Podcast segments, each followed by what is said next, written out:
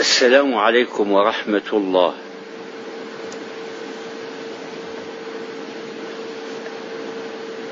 جاءتني رسالة يقول مرسلها أن له ولدا سقط من الشرفة من الدور الأول إلى الشارع ولم يصب بأذى نزل على رجليه وهو يتعجب من ذلك ويشكر الله عليه ويسألني إيش رأيي فيها ما لي رأي رأيي فيها ماذا؟ الذي أعرفه أنه يمكن أن تقع مثل هذه الحوادث وأن ينجو منها. من قديم أنا كنت سنة 1948 900 بالميلادي. أقيم في مصر السنة هي والسنة التي قبلها. كنت موفدا من وزارة العدل في الشام إلى وزارة العدل في مصر للاشتراك في وضع بعض مشروعات القوانين. فكان يعني مركزي في مصر في الرسالة عند الزيات أو في الفتح عند خالي محب الدين رحمة الله عليهما. في من أصدقاء الرسالة أديب لبناني الأصل اسمه حبيب زحلاوي. يكتب وله بعض الكتب الأدبية الخفيفة. بنت له بنت عمرها ست سبع سنين. سقطت من الدور السادس. سادس سادس. إلى الشارع. ولم تصب بأذى. كيف ما أصيبت؟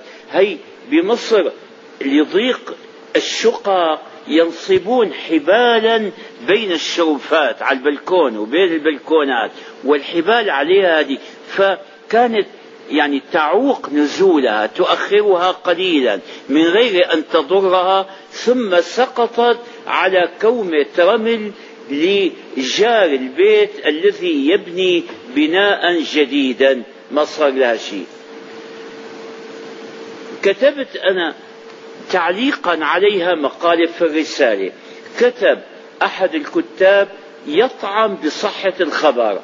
يتهمنا بالكذب أنا ويتهم أبا البنت راح هذا أتاه ونشرها بتقرير الشرطة وتقرير الطبيب الشرعي بأن هذا واقع وصحيح. في واحدة ثانية هذيك طريفة أقرب أن تكون مضحكة أيضا على هذا الطريق سائق سيارة شحن. لا والله سيارة ركاب قديمة. والسائق يبدو ما يراعي الأنظمة كثيرا. مر على ناس من البدو. جاء واحد بدوي قال له بدي أركب. قال ما في محل. قال له اطلع اركب على سطح السيارة. طلع ركب على السطح.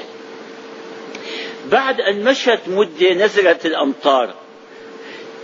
هذا حتى لا يصيبه المطر وجد طرف هذه آه، مشمع كبير مثل الخيمة أو شيء غطى نفسه به ونام.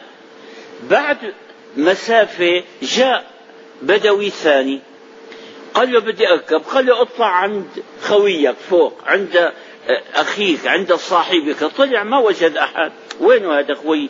التفت حوله ما وجد شيء. لا عفوا نسيت نسيت نسيت. ما تغطى بخيمة. وجد نعشا فارغا. نعش فارغ يحملونه ليأتوا بميت من بلد إلى بلد. هذا دخل وسط النعش فنام فيه هي نسيت القصة. هذا ما وجد إلا النعش البدوي الثاني. فخاف يعني استوحش أن يركب مع ميت. الرجل الذي نائم في النعش صحى من نومه أحب أن يعرف هل انقطع المطر. أم لا؟ رفع طرف النعش ومد يده يتحسس المطر البدوي الثاني. لما رآه ظن بأن الميت قام ومد يده فمن رعبه سقط من فوق السيارة فمات. في قصة رواها ابن الجوزي. ابن الجوزي انه واحد أغمي عليه. ما كان فيه يعني الطب الراقي في تلك الأيام ظنوا بأنه ظن أهله بأنه مات. وجاءوا بمن يغسله. لما وضعه على هذا السرير الغسل غسل الأموات وصب عليه الماء هذا ما كان ميتا كان مغمى عليه. صحى فقال أين أنا؟ الغاسل من رعبه سقط ميتا. الغاسل مات. والميت نزل من فوق المغتسل فوضعوا الغاسل في مكانه وذهب هذا إلى أهله على رجليه. هذه حوادث تقع كثيرا. تقع يقع أمثالها. لكن هل معنى هذا أننا نتعرض للخطر ونعتمد على هذه الحوادث التي هي من قبيل الشاذ من قبيل يعني النادر لا. الله أمرنا بأن نتخذ الأسباب أسباب الوقاية. نتخذ الأسباب ونطلب من الله السلامة. إذا كان هذه اللي ماشي على خط الترام نجت واللي في بيته دخل عليه الترام فقتله ليس معنى هذا أنه كل من كان في بيته فإنه يموت لا. علينا نحن أن نتخذ الأسباب نحتاط والمبالغة في الاحتياط هذه تدعو إلى الخطر تقف الحياة. هلا حساب الاحتمالات عند الرياضيين يعرفونه. هلا إذا واحد أراد أن يقطع الشارع أي شارع تمشي فيه السيارات. احتمال أن تصيبه سيارة أقوى من احتمال النجاة.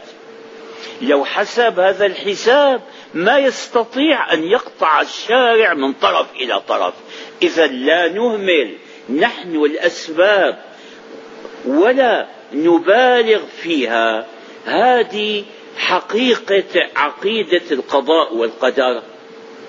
المسلم يتخذ الأسباب نعم لكن لا يعتمد عليها وحدها. شوفوا الأمريكان كثير من غير المسلمين يعتمدون على الأسباب فقط الأسباب المادية. الأسباب المادية قد لا تأتي بالنتيجة دائما. بعض الصوفية المتأخرين ظنوا بأن التوكل على الله هو ترك الأسباب. أنه بدك تروح للحج امشي على رجليك في البادية هيك بدون زاد ولا راحة يقول توكلت على الله. هذا إذا مات يموت عاصيا. تلميذ ما اتخذ أسباب النجاح ما درس ما قرأ ما استذكر. لا تقولوا ذاكر استذكر. ذاكر يعني اثنين بده يكون حتى يتذاكر. فعل مشاركة. قال يا ربي نجح لي. ما بنجحه قلت لكم مرة أنه فلاح إذا لا حرث الأرض ولا وضع البذار قال اللهم أنبت لي زرع. ما ينبت له. لكن ربنا وضع قوانين في الوجود.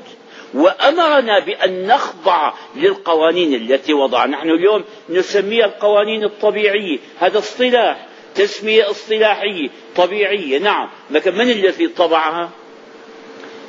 الذي طبعها طابعها هو الله.